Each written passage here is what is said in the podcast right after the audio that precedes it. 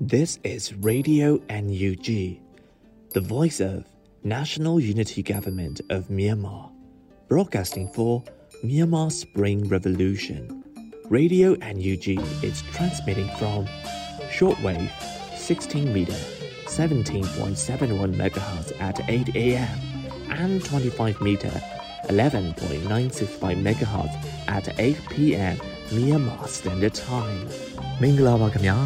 အမျိုးသားညီညွတ်ရေးအစိုးရရဲ့အတန်လွင့်ဌာန Radio NUG ကိုမနက်၈နာရီမှလိုင်းတို16မီတာ7.3 MHz ညပိုင်း၈နာရီမှလိုင်းတို25မီတာ17.665 MHz တို့မှာဓာတ်ရိုက်ဖမ်းယူနားဆင်နိုင်ပါပြီ။မင်္ဂလာအပေါင်းနဲ့ပြည့်စုံကြပါစေ။အခုချိန်ကစပြီး Radio NUG အစီအစဉ်တွေကိုဓာတ်ရိုက်အတန်လွှင့်ပေးနေပါပြီ။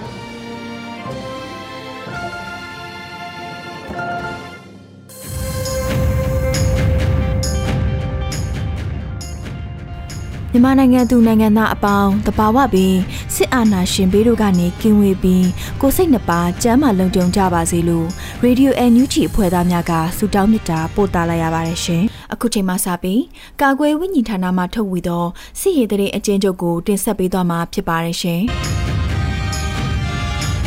ကာကွယ်ရေးဝန်ကြီးဌာနမြို့သားညီညွတ်ရေးဆိုရမှထုတ်ဝေတဲ့နေ့စဉ်စစ်ရေးတရင်ချင်းချုပ်ကိုတင်ဆက်မှာဖြစ်ပါတယ်ကျွန်တော်ဟိန်းကိုကိုပါ စစ်ကောင်စီနဲ့တိုက်ပွဲဖြစ်ပွားမှုသတင်းများအနေနဲ့ဂရင်းနီပြည်နယ်မှာနိုဝင်ဘာ6ရက်နေ့ညနေ9:00နာရီခန့်ကဒီမော့ဆိုမြို့နယ်ထူလီပီလာကျေးရွာခြေတော်ရဖျားတောင်နီးမှာစကားဆတ်တပ်များနဲ့ဂရင်းနီတပ်မတော် KA KNDF တို့တိုက်ပွဲဖြစ်ပွားခဲ့ရာစကားဆတ်တပ်သား3ဦးသေဆုံးက9ဦးထိခိုက်ဒဏ်ရာရရှိခဲ့ပါတယ်။ဒီတွေ့တိုက်ပွဲဖြစ်ပွားပြီးနောက် KA KNDF မှနေမြေရှင်းနေရမှာစကားဆတ်တပ်သားများကင်ဆောင်သောကြီးပေါက်ကြီးစံလက်ပစ်ပုံစုပုံတို့ကိုတင်စီရမိခဲ့ကြောင်းသိရပါတယ်။ရှမ်းပြည်နယ်မှာ နိုဝင်ဘာ6ရက်နေ့နေ့လယ်12နာရီခန့်ကရှမ်းပြည်တောင်ပိုင်းဖဲခုံမြို့ရှိ421တပ်ကိုပြည်သူ့ကာကွယ်ရေးတပ်ဖဲခုံနဲ့ပူးပေါင်းတပ်ဖွဲ့ KNDF, KNI တပ်မတော် KA တို့မှဝင်ရောက်ပစ်ခတ်ရာစက္ကစ3ဦးသေဆုံးခဲ့ပြီးဒဏ်ရာရသူများကြောင်းသိရပါတယ်။စက္ကစတပ်မှလက်နက်ကြီးနဲ့ပစ်ခတ်ခြင်းကြောင့်ဟိန္ဒမရက်ွက်ရှိနေအများပျက်စီးပြီးရတားတန်ရသူချို့လည်းရှိကြောင်းသိရပါတယ်။ Sky တိုင်းမှာ နိုဝင်ဘာ9ရက်နေ့နေ့လယ်10:05မိနစ်ခန့်ကမြောင်မြို့နယ်ရဲစခန်းမှထွက်လာတဲ့စက္ကစကားတစ်စီးနဲ့ဆိုင်ကယ်၅စီးကိုမြောင်မြို့နယ်နဲ့မြင်းမှုမြို့နယ်အဆက်ရှိခြေတော်ရရွာအနီးမှာဒေသကာကွယ်ရေးမာမိတ်တပ်ဖွဲ့များမှပူးပေါင်းတိုက်ခိုက်နိုင်ခဲ့ပါတယ်။နိုဝင်ဘာ6ရက်နေ့မနက်9:45မိနစ်ခန့်ကကျွန်းလာမြို့နယ်အင်းလာကျေးရွာနဲ့အေချမ်းသာကျေးရွာကြားမှာစကားစတက်နဲ့ပြည်သူ့ကာကွယ်ရေးတပ်တို့တိုက်ပွဲဖြစ်ပွားခဲ့ပြီးစကားစတက်သား10ဦးကျော်သေဆုံးခဲ့ပါတယ်။စကားစတက်မှလိုက်လံပစ်ခတ်သဖြင့်အေချမ်းသာကျေးရွာနဲ့ လိတ်စင်းတောင်ကြားမှာဒုတိယကြိမ်ထိတွေ့တိုက်ပွဲဖြစ်ပွားကစကားဆက်တပ်သား9ဦးထပ်မံသေဆုံးကပြည်သူ့ကာကွယ်ရေးတပ်သား2ဦးထိခိုက်ဒဏ်ရာရခဲ့ပါတယ်။စေးပြစ်မှုမတရားဖမ်းဆီးတပ်ဖြတ်မိရှို့မှုတည်င်းများအနေနဲ့ဂရင်းနီပြည်နယ်မှာနိုဝင်ဘာ9ရက်နေ့မနက်6နာရီခန့်ကလွိုင်ကော်မြို့နယ်လက်ထွန်ရွာမှလွိုင်လင်းလင်းမြို့သို့ပြောင်းမှုသွားချိုးတဲ့လူငယ်6ဦးကိုလွယ်လင်းလင်းမြို့စက္ကစခလာရ350တပ်မှဖမ်းဆီးခေါ်ဆောင်သွားကြောင်းသိရပါတယ်။ကရင်ပြည်နယ်မှာ နိုဝင်ဘာ6ရက်နေ့ကဖန်မြို့နယ်မှာစက္ကစမှအော်တိုဝါလာအတွင်းအကြမ်းဖက်မှုဥပဒေများဖြင့်မှုဖွင့်ဖမ်းဆီးခဲ့တဲ့အာဂသာသမားတဦးဖြစ်သူအသက်20အရွယ်ကျော်လူငယ်တဦးကိုစစ်ကြောရေးနှိပ်စက်ခဲ့မှုများကြောင့်ကြောက်ကတ်ထိခိုက်ကဖအံဆေးရုံမှာတေဆုံးခဲ့ကြောင်းသိရပါတယ်။ချင်းပြည်နယ်မှာနိုဝင်ဘာ1ရက်နေ့မှ6ရက်နေ့တွင်ချင်းပြည်မတူပီခရိုင်တွင်စက္ကစတက်များဝင်ရောက်အကြမ်းဖက်သွားသည့်ရွာများမှာတွိရှိကျေးရွာမှကျောင်းနှင့်အိမ်38လုံး ဝလံပီရွာတစ်နှင့်ရွာဟောင်းမှအင်ဂျီ85လုံးဝါပုံးရွာမှအင်ဂျီ20ကလားရွာမှအင်ဂျီ46ဝလန်တေးရွာတဲ့လက်နက်ကြီးကြကအင်ဂျီ104လုံးပျက်စီးခဲ့ပြီးလေစင်းရွာမှအင်ဂျီ80ထဲပွေရွာမှအင်ဂျီ42လုံးဘန်းကန်ရွာမှအင်ဂျီ45လုံးစရှိသည်တို့မှပြည်သူစုစုပေါင်း2000ကျော်တောထဲသို့ထွက်ပြေးနေရကြောင်းသိရပါတယ်မွန်ပြည်နယ်မှာနိုဝင်ဘာ6ရက်နေ့မှည9:00နာရီခန့်က ပေါင်မြို့နယ်တန်လွင်တရာမုဒ္ဓမဘက်ချမ်းမှာအချိန်နဲ့ဆိုင်ကယ်စီးနှင်လာသူတို့ကိုစက္ကဆတ်တပ်သားများမှတနက်နဲ့ပြစ်ခတ်ဖမ်းဆီးခဲ့ကြောင်းသိရပါတယ်။ရှမ်းပြည်နယ်မှာနိုဝင်ဘာ6ရက်နေ့က KNDF B09 မှနယ်မြေရှင်းလင်းရေးပြုလုပ်ခဲ့ရာစက္ကဆတ်စကန်ချခဲ့သည့်နေရာအနီးမှာရက်သားရုံလောင်းတစ်ခုတွေ့ရှိခဲ့ရပါတယ်။ရုံလောင်းတစ်ခုကိုလယ်ပင်မှာကျိုးကွင်းဆွပြီးနှစ်ဦးစလုံးကွေးသည့်နေတာဖြင့်မြုပ်နှံထားခြင်းကြောင့်ညှဉ်းပန်းနှိပ်စက်ခံခဲ့ရပုံရကြောင်းသိရှိရပြီးရုံလောင်းများကို KNDF မှကောင်းမွန်သောတကြိုပေးခဲ့ကြောင်းသိရပါတယ်။နိုဝင်ဘာ6ရက်နေ့ကရှမ်းပြည်တောင်ပိုင်းဖဲခုံမြို့ဂျေယောဘလိုရက်ကွက်တွင်းရှိရဲဝစ်စကားစတပ်သားများဝင်ရောက်စီးနင်းနေသောဒေသခံများအိုးအိမ်စွန့်ခွာကဘေးလွတ်ရာသို့ထွက်ပြေးတိမ်းရှောင်နေရပြီးဖဲခုံမိုးပြဲမြို့အနီးကျေးရွာများမှာထွက်ပြေးတိမ်းရှောင်သူဦးရေ3500ကျော်ရှိကြောင်းသိရပါတယ်။ Sky တိုင်းမှာနိုဝင်ဘာ9ရက်နေ့ညနေ9:14မိနစ်ခန့်ကကောလင်းမြို့နယ်ကျေးအင်းရွာစင်းမရွာထိန်အင်းရွာနဲ့ စက်သွားကျောင်းရွာကောလင်းမြို့နယ်နောက်ဘက်ချမ်းရွာများကိုစကားစတက်မှရဲရင်နဲ့ပြစ်ခတ်တိုက်ခိုက်ခဲ့ပါတယ်။နိုဝင်ဘာ6ရက်နေ့ညနေ9:00နာရီခန့်ကမုံရွာမြို့ဂွေကြီးရက်ကွက်အမတ်နှစ်လမ်းရှိနေအိမ်တစ်လုံးကိုစစ်ကောင်စီတပ်မှချိတ်ပိတ်ခဲ့ပါတယ်။နေပြည်တော်မှာနိုဝင်ဘာ9ရက်နေ့ကနေပြည်တော်ပုဗ္ဗတီရီမြို့နယ်ဇဝနာဒီပါရက်ကွက်မှာစစ်ကားတစ်စီးမီတာရုပ်ဝန်ထမ်းကားတစ်စီးနဲ့မီတာမဆောင်သော9အိမ်မှမီတာဘုံများကိုဖြုတ်ယူခဲ့ပြီးမတရားကောက်နေတာဘာလို့ဆောင်ရမှာလဲလို့ပြောတဲ့မျိုးသမီးတူကိုစက္ကဆတ်တက်သားမှ မဆောင်နိုင်မသုံးနိုင်ဟုပြောကပါတစ်ချက်ရိုက်ခဲ့ပါတယ်။ပဲခူးတိုင်းမှာ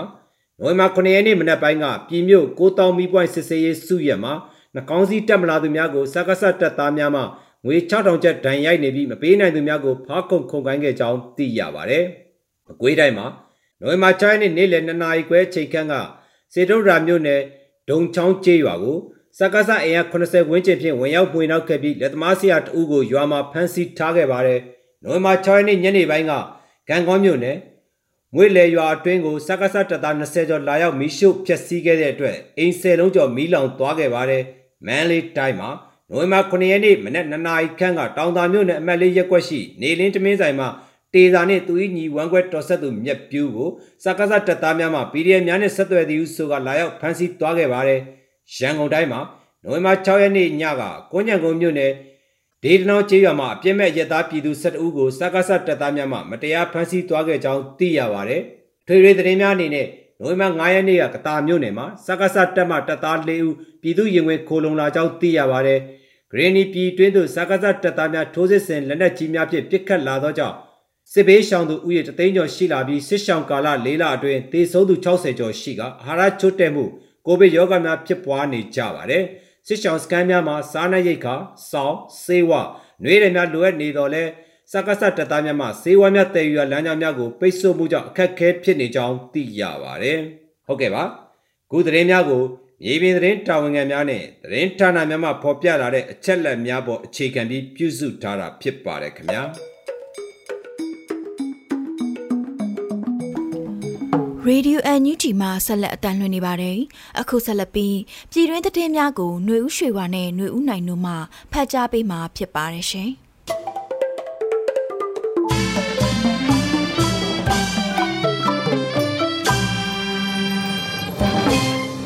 အခုချိန်ကစတင်ပြီးပြည်တွင်းသတင်းများကိုတင်ပြပေးပါမယ်။ဒီကနေ့မှာတင်ပြပေးဖို့ရှိနေတဲ့ပြည်တွင်းသတင်းအကြောင်းအရာတွေကတော့ထိုင်းနိုင်ငံကအမူယူစနစ်ဖြင့်လောက်သား၈000ခေါ်ယူမိဟုဆိုတော်လဲ မြန်မာဘက်ကအေဂျင်စီများအပေါ်ညွှန်ကြားမှုတစုံတရာမရှိသေးဆိုတဲ့သတင်း။ကူလာအတွင်းတရုတ်တို့သဘာဝတံငွေကူးပါမီတာ3.35ဘီလီယံပို့ဆောင်ပေးခဲ့နှစ်စဉ်တံငွေပို့လို့မှု4.2ရာခိုင်နှုန်းတိုးတက်လာနေတဲ့သတင်း။ကလောမျိုးနယ်ပုံမှန်144ထုတ်ပြန်ပြည်သူများစိုးရိမ်နေရဆိုတဲ့သတင်းတွေကိုတင်ပြပေးပါမယ်။အခုပထမအဆုံးတင်ပြပေးမယ့်သတင်းကတော့ထိုင်းနိုင်ငံကအမူယူစနစ်ဖြင့် လောက်သား8000ခေါ်ယူမည်ဟုဆိုတော်လဲမြန်မာဘက်ကအေဂျင်စီများအပေါ်ညွှန်ကြားမှုတစုံတရာမရှိသေးဆိုတဲ့သတင်းဖြစ်ပါတယ်။ရွှေပြောင်းလောက်သား8000ခန့်ကိုလာမယ့်ဒီဇင်ဘာလမှာထိုင်းနိုင်ငံကအမူယူစနစ်နဲ့ခေါ်ယူမည်ဟုထုတ်ပြန်ထားပေမဲ့လည်းစစ်ကောင်စီ၏မြန်မာနိုင်ငံအလို့သမားညွှန်ကြားရေးဦးစီးဌာနကပြည်ပအလုပ်ကိုင်ရှာဖွေရေးအေဂျင်စီတွေအပေါ်ဒီကနေ့အထိညွှန်ကြားမှုတစုံတရာမရှိသေးကြောင်းသိရပါတယ်။ထိုင်းနိုင်ငံအတွင်းလောက်သားလူဝဲချက်ကိုဖြည့်ရှင်းနိုင်ရန်အတွက် လာမယ့်ဒီဇင်ဘာလမှာရွှေပြောင်းလုပ်သား8000ခန်းကိုခေါ်ယူခွင့်ပြုမှာဖြစ်ကြောင်းထိုင်းအလုပ်သမားဝန်ကြီးဌာနဝန်ကြီးက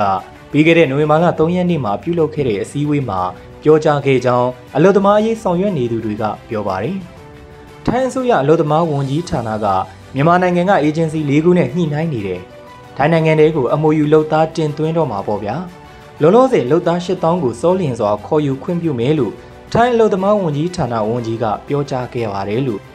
မဲဆောက်အခြေဆိုင်ထိုင်းရောက်မြန်မာလှုပ်သားအရေးဆောင်ရွက်သူမြန်မာပြည်သားများအရေးပူးပေါင်းလှုပ်ရှားမှုကော်မတီ JACPA ဥက္ကဋ္ဌကပြောပါတယ်။အခုလိုထိုင်းနိုင်ငံမှာအမိုယူစနစ်ဖြင့်လှုပ်သား8000ခေါ်ယူရန်ပြောဆိုမှုတွေရှိပေမဲ့လည်းစစ်ကောင်စီမြန်မာအလုပ်သမားညွှန်ကြားရေးဦးစီးဌာနမှပြည်ပအလုပ်ကိုင်ရှာဖွေရေးအေဂျင်စီတွေကိုဒီကနေ့အထိတစုံတရာညွှန်ကြားလာမှုမရှိသေးဘူးလို့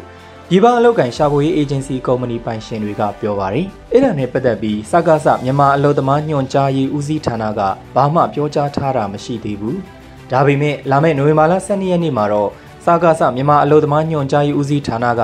ပြည်ပအလုပ်ကန်ရှာဖွေရေးအေဂျင်စီများအဖွဲ့ချုပ် MOEAF ကိုတော့နေပြည်တော်မှာအစည်းအဝေးလုပ်ဖို့ခေါ်ထားတယ်လို့သိရပါတယ်။အဲ့ဒီအစည်းအဝေးပြီးမှာပဲ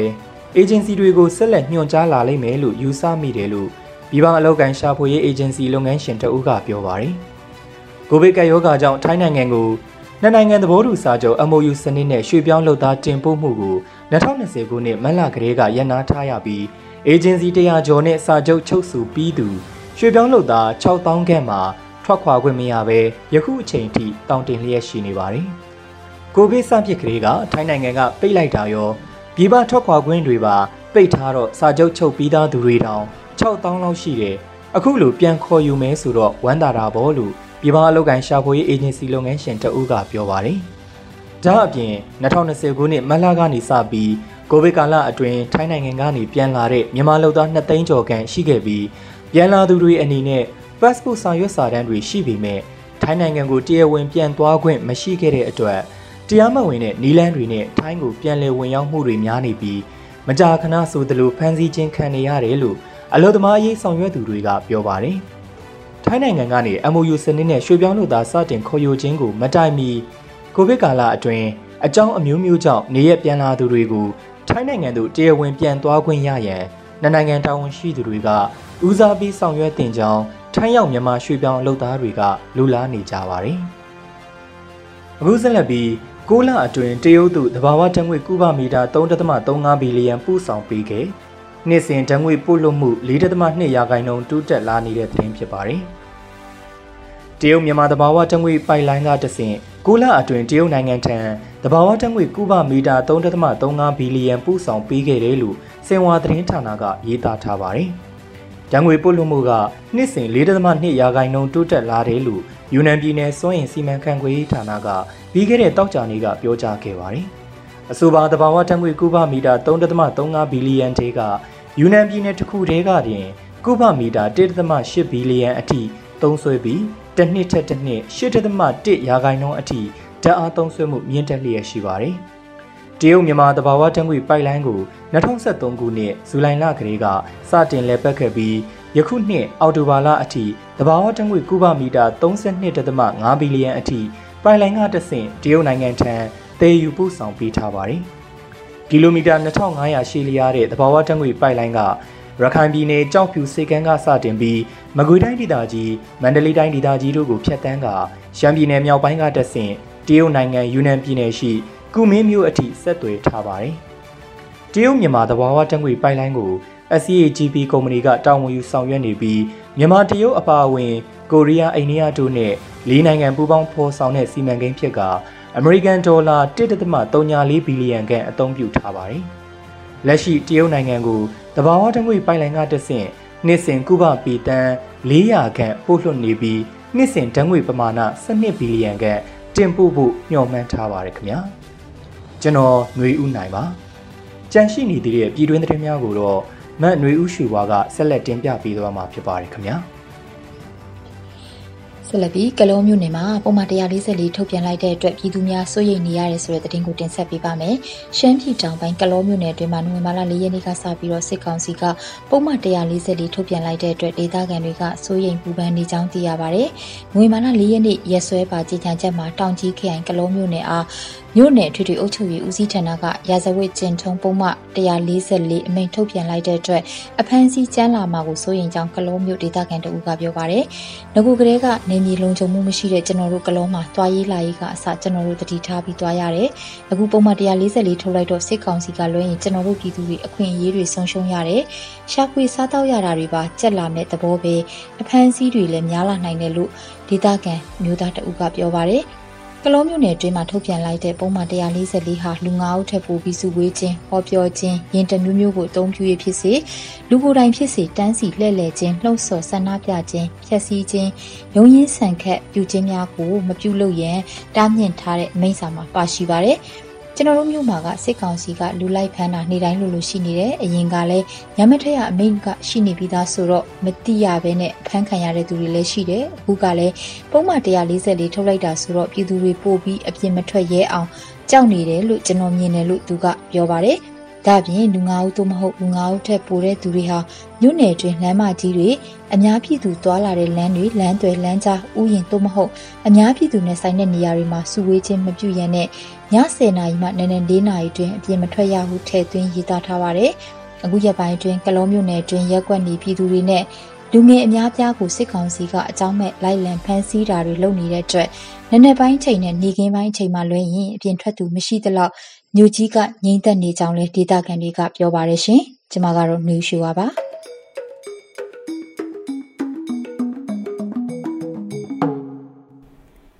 ရေဒီယို NUG မှာဆက်လက်အတန်းလွှင့်နေပါတယ်။အခုဆက်လက်ပြီးပြည်သူတိုက်ပွဲသတင်းများကိုပြည်ຫນွေဦးမှတင်ဆက်ပေးမှာဖြစ်ပါတယ်ရှင်။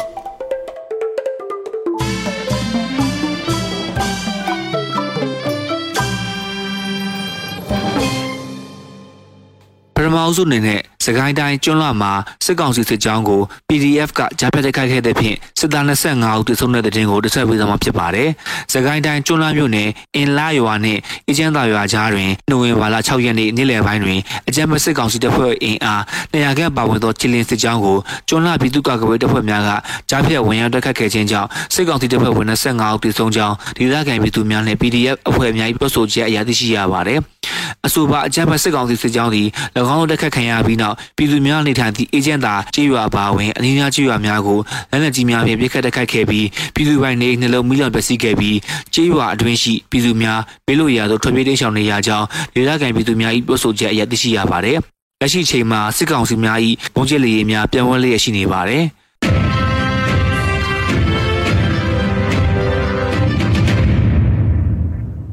ဆက်လက်ပြီးနောက် ရန်ကုန်နဲ့စစ်ဒေသခွဲအကာအကွယ်ရေးနယ်မြေအတွင်း9ရက်6လ2021ရက်နေ့မှ6ရက်17လ2021ရက်နေ့အထိပြည်သူ့တော်လှန်ရေးအင်အားစုများ၏ခရိုင်အလိုက်ခုခံစစ်ဆင်နွှဲမှုအခြေအနေပြအချက်အလက်များထုတ်ပြန်တဲ့တဲ့တင်ကိုတို့ဆက်ပြီးသွားမှာဖြစ်ပါတယ်။စက်တင်ဘာလ9ရက်နေ့ကစလို့ခရိုင်လေးခုအတွင်းနိုင်ငံရေးပြစ်မှတ်190စစ်ရေးပြစ်မှတ်239နှင့်စီးပွားရေးပြစ်မှတ်34နေရာကိုခုခံတိုက်ခိုက်နိုင်ခဲ့တယ်လို့ဆိုပါတယ်။ရန်သူဘက်မှတရဲ39ဦးသေဆုံးပြီး83ဦးဒဏ်ရာရှိခဲ့ပါတယ်။ထို့ပြင်လက်ပါစီ58ဦးသေဆုံးပြီး30ဦးဒဏ်ရာရရှိခဲ့ပါတယ်။ဒီစစ်စင်ရေးမှာပြည်သူ့ဘက်တော်သား PDF 2ဦးသေဆုံးပြီး12ဦးဒဏ်ရာရရှိခဲ့တယ်လို့ထုတ်ပြန်ထားပါတယ်။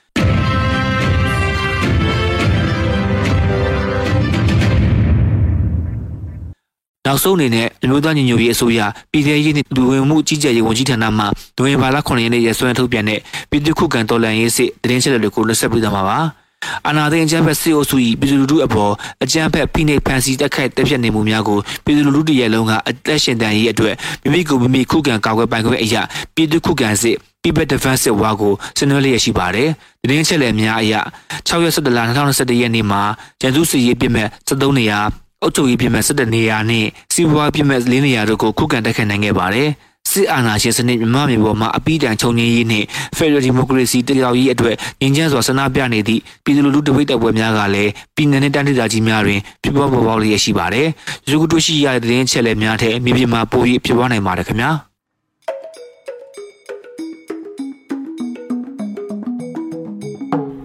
Radio NUG မှာဆက်လက်အတန်းလွှင့်နေပါတယ်။အခုဆက်လက်ပြီးနေ့စဉ်သတင်းတင်ဆက်မှုကိုမတ်ထထအိန္ဒြာအောင်မှတင်ဆက်ပေးမှာဖြစ်ပါတယ်ရှင်။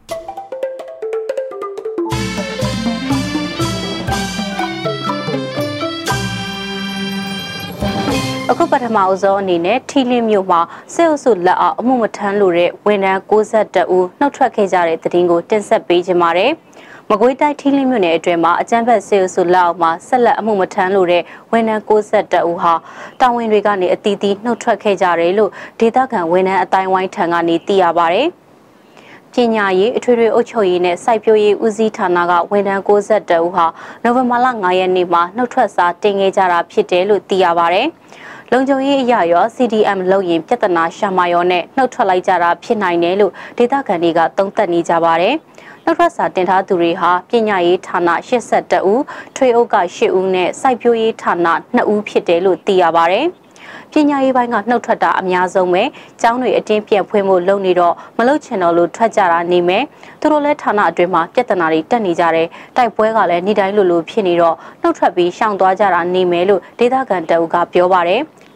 အလောက်ကနှုတ်ထွက်ပြီးသူတွေဟာစစ်အုပ်စုကပြဿနာရှာဖမ်းဆီးမှာကိုစိုးရိမ်တာကြောင့်ထီလင်းမျိုးကနေထွက်ပြေးတိမ်းရှောင်သွားကြပြီလို့ဒေသခံတွေကပြောပါတယ်ဆက်လက်ပြီးနှုတ်ထွက်မဲ့ဝန်ထမ်းတွေများစွာရှိနေသေးတယ်လို့ဒေသခံတော်လှန်ရေးအင်အားစုတွေကဆိုပါတယ်အခုချိန်မှာအကြမ်းဖက်စစ်ကောင်စီရဲ့အုပ်ချုပ်ရေးရန်နေရာပြည့်ရင်ပြီးတော့ဒေသခံတွေနဲ့အမျိုးသားညီညွတ်ရေးအစိုးရတို့ပူးပေါင်းကဒေသန္တရအုပ်ချုပ်ရေးရန်နေရာထူထောင်မှုတွေစတင်နေပြီလို့လည်းသိရပါတ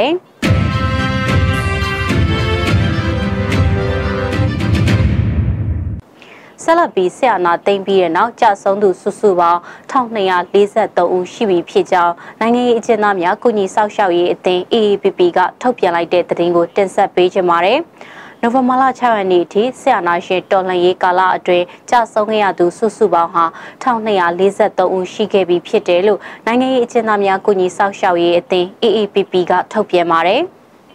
အမှန်တကယ်ကြဆုံးသူအရေးအတွက်ကပိုများနိုင်တယ်လို့လည်း AAPP ကဆိုပါတယ်။ နိုင်ငံရေးအကျဉ်းသားများကုညီဆောက်ရှောက်ရေးအသင်း AAPP ရဲ့မှတ်တမ်းပြုချက်တွေအရဖေဖော်ဝါရီ၁ရက်ကနေနိုဝင်ဘာ6ရက်နေ့အထိဖမ်းဆီးချုပ်နှောင်ခြင်းခံထားသူစုစုပေါင်း9089ဦးရှိပြီးတော့သူတို့ထဲက299ဦးဟာထောင်ဒဏ်ချမှတ်ခြင်းခံထားရတာဖြစ်ပါတယ်။ ပြည်ထောင်ကြခံရသူတွေထဲမှာအသက်16နှစ်အောက်ကလေး2ဦးအပါအဝင်26ဦးကတော့တည်တဲ့ချမှတ်ခံထားရတာဖြစ်ပြီးဖောင်ရန်ထုတ်ခံထားလို့တိတ်ရှောင်နေရသူ1954ဦးရှိတယ်လို့သိရပါတယ်။သူတို့ထက်ကတည်တဲ့ချမှတ်ခြင်းခံထားသူ39ဦးအပါအဝင်118ဦးဟာမျက်ွယ်ပြစ်တဲ့ချမှတ်ခြင်းခံထားရတာဖြစ်ပါတယ်။ဒါကြောင့်တည်တဲ့ချမှတ်ခံထားသူစုစုပေါင်း65ဦးရှိပြီလို့ဆိုနိုင်ပါတယ်။ စကိုင်းတိုင်းဒေသကြီးကတာမြို့နယ်မှာအကြံဖက်စစ်အုပ်စုရဲ့တပ်တွေကမိုးတာကြီးရွာကကိုအောင်ခေါ်အငယ်လေးကိုလမ်းမြအဖြစ်နဲ့နိုဝင်ဘာ2ရက်နေ့ကဖမ်းဆီးခေါ်ဆောင်သွားခဲ့ပြီးတဲ့နောက်ပြစ်တက်ခဲ့ပြီးတော့ကိုအောင်ရဲ့ရုပ်လောင်းမှာနှစ်ဖူးကိုကြီးဖောက်ဝင်ဒဏ်ရာတွေ့ရတယ်လို့ပါရှိပါတယ်။ အေယာရီတိုင်းဒေသကြီးမြောင်မြမြို့နယ်မှာနေထိုင်တဲ့လူထုကလောင်သတင်းကြနယ်ကသတင်းတောက်တအူးဖြစ်တဲ့ဦးညွန့်လွင်ခေါ်ရဝေမောင်ကိုချင်းပြည်နယ်ထန်တလန်မြို့မီးရှို့ခံရမှုနဲ့ပတ်သက်တဲ့ကြပြရေးသားတယ်လို့ဆိုပြီးအကြံဖက်စေအိုဆိုကနိုဝင်ဘာလ3ရက်နေ့မှာဖမ်းဆီးခဲ့တယ်လို့လည်းသိရပါဗျ။နယ်ပယ်အသီးသီးကဘယ်သူမဆိုဖမ်းဆီးထိန်သိမ်းတရားစွဲဆိုခြင်းခံရတာနှွေဦးတော်လှန်ရေးကာလအတွင်းကြဆုံးရတာစတဲ့အချက်လက်တွေသိရှိပါကအကြောင်းကြားပေးဖို့ကိုလည်းနိုင်ငံရေးအကျဉ်းသားများကိုညီဆောက်ရှောက်ရေးအသင်း AAPP ကတောင်းဆိုထားတာတွေ့ရပါတယ်။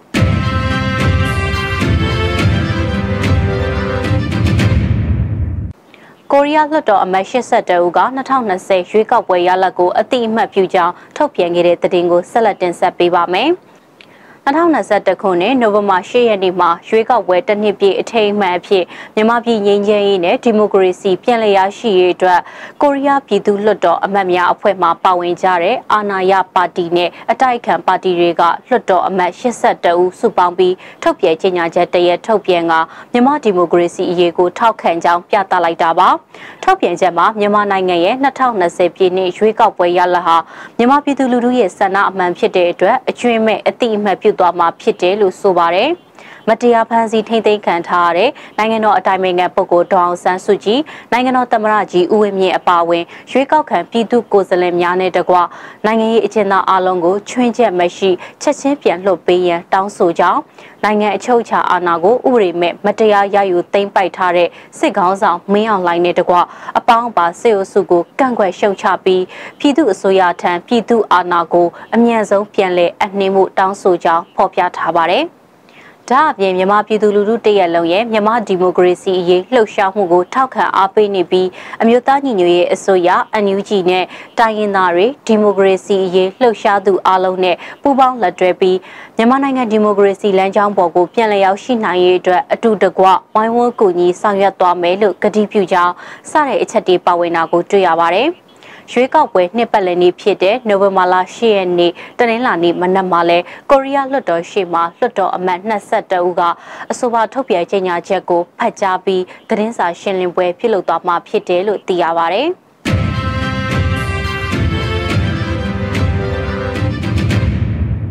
အခုနောက်ဆုံးအနေနဲ့မြန်မာနိုင်ငံတဝန်ကလူမျိုးပေါင်းစုံဘာသာပေါင်းစုံပါဝင်တဲ့ဆရာနာရှင်အမြင့်ပြည့်ချေမုံရေးလူထုဆန္ဒပြပွဲသတင်းတွေကိုစုစည်းတင်ဆက်ပေးတော့မှာပါ။ စကိုင်းတိုင်းရဲမပင်ခရိုင်စုံရောင်ချေရွာကတော်လန်ပြည်သူတွေဟာဖက်စစ်စစ်တပ်ကိုပြည်သူတရက်ခွဲမှာစီရင်ဖို့သာငါတို့အလိုရှိရဲဆိုတဲ့စာတမ်းကင်ဆောင်ပြီးတော့ချေရွာတွင်ချီတက်ဆန္ဒပြခဲ့ပါတယ်။စကိုင်းတိုင်းရင်းမပင်အရှိချမ်းနဲ့စာလင်းကြီးမြောက်ချမ်းရွာပေါင်းစုံတပိတ်စစ်ကြောင်းကတော်လှန်ပြည်သူတွေဟာဆရာနာရှင်စန့်ကျင်ရေးရပ်ပေါင်း242ရက်မြောက်နေ့ဖြစ်ကြေးရွာရင်းချီတက်ဆန္ဒပြခဲ့ကြပါတယ်။ စကိုင်းတိုင်းမုံရွာမြို့နယ်မုံရွာပင်မတပိတ်စစ်ကြောင်းကတော်လှန်ပြည်သူတွေဟာပြည်သူလူထုအနေနဲ့စစ်ရာဇဝဲမှုကျူးလွန်နေတဲ့စစ်ကောင်စီကိုပြည်သူတရက်ခွဲမှသာတရားစီရင်ဖို့အလိုရှိကြောင်းအကြမ်းဖက်စစ်ကောင်စီနဲ့တွေ့ဆုံဆွေးနွေးမှုကိုဘယ်နည်းနဲ့မှလက်ခံတော့မှာမဟုတ်ကြောင်းကြွေးကြော်ချီတက်ဆန္ဒပြခဲ့ကြပါတယ်။ ပကောက်ကူခရိုင်မြိုင်မြို့နယ်အခြေခံပညာအထွေထွေတပိတ်ကော်မတီနဲ့ပြည်သူလူထုပူးပေါင်းပြီးအာဏာရှင်စနစ်ဆိုးကိုရရအနီးနဲ့အမြင့်ပြတ်တော်လှန်ကြဆိုတဲ့စာတမ်းကိုင်ဆောင်ပြီးတော့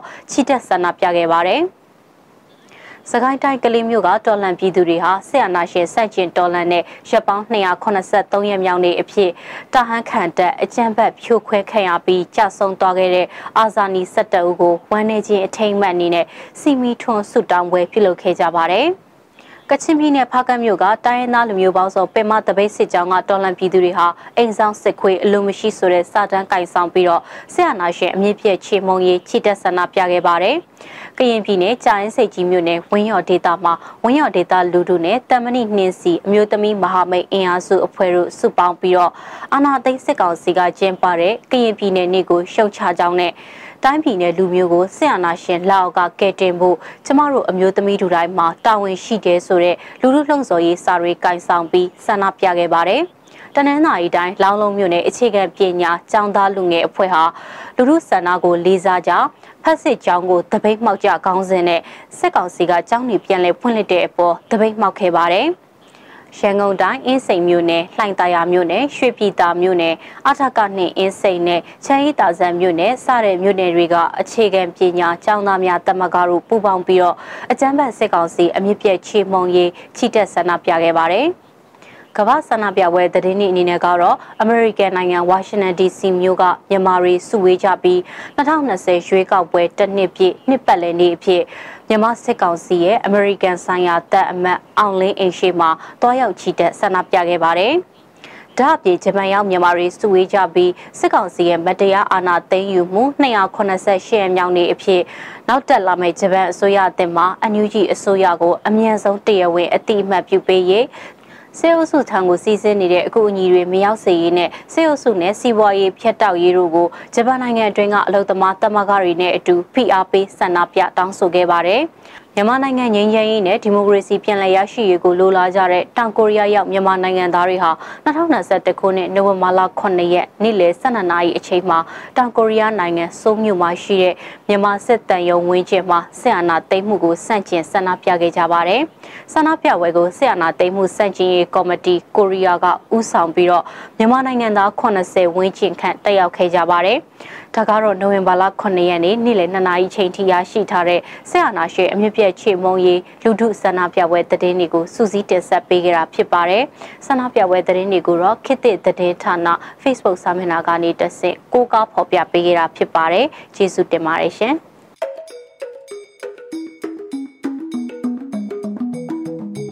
ဒီကနေ့ကတော့ဒီညနေပဲ Radio NUG ရဲ့အစီအစဉ်တွေကိုခਿੱတရနာလိုက်ပါမယ်။ မြန်မာစံတော်ချိန်မနက်၈နာရီနဲ့ညနေ၈နာရီအချိန်တွေမှာပြန်လည်ဆုံတွေ့ကြပါစို့ Radio NUG ကိုမနက်၈နာရီမှာလိုင်းတို16မီတာ7.7 MHz ညပိုင်း၈နာရီမှာလိုင်းတို25မီတာ17.665 MHz တို့မှာဓာတ်ရိုက်ဖမ်းယူနားဆင်နိုင်ပါပြီမြန်မာနိုင်ငံသူနိုင်ငံသားများကိုစိတ်နှပြကျန်းမာချမ်းသာလို့ဘေးကင်းလုံခြုံကြပါစေလို့ Radio NUG အဖွဲ့သူအဖွဲ့သားများကဆုတောင်းလိုက်ရပါတယ် အမျိုးသားညီညွတ်ရေးအစိုးရရဲ့စက်သွယ်ရေးတရင်အချက်အလက်နဲ့ဤပညာဝန်ကြီးဌာနကထုတ်လွှင့်နေတဲ့ Radio NUG ဖြစ်ပါတယ်။ San Francisco Bay Area အခြေစိုက်မြန်မာမိသားစုများနဲ့နိုင်ငံတကာကစေတနာရှင်များလှူအားပေးများရဲ့ Radio NUG ဖြစ်ပါတယ်။အရေးတော်ပုံအောင်ရမည်။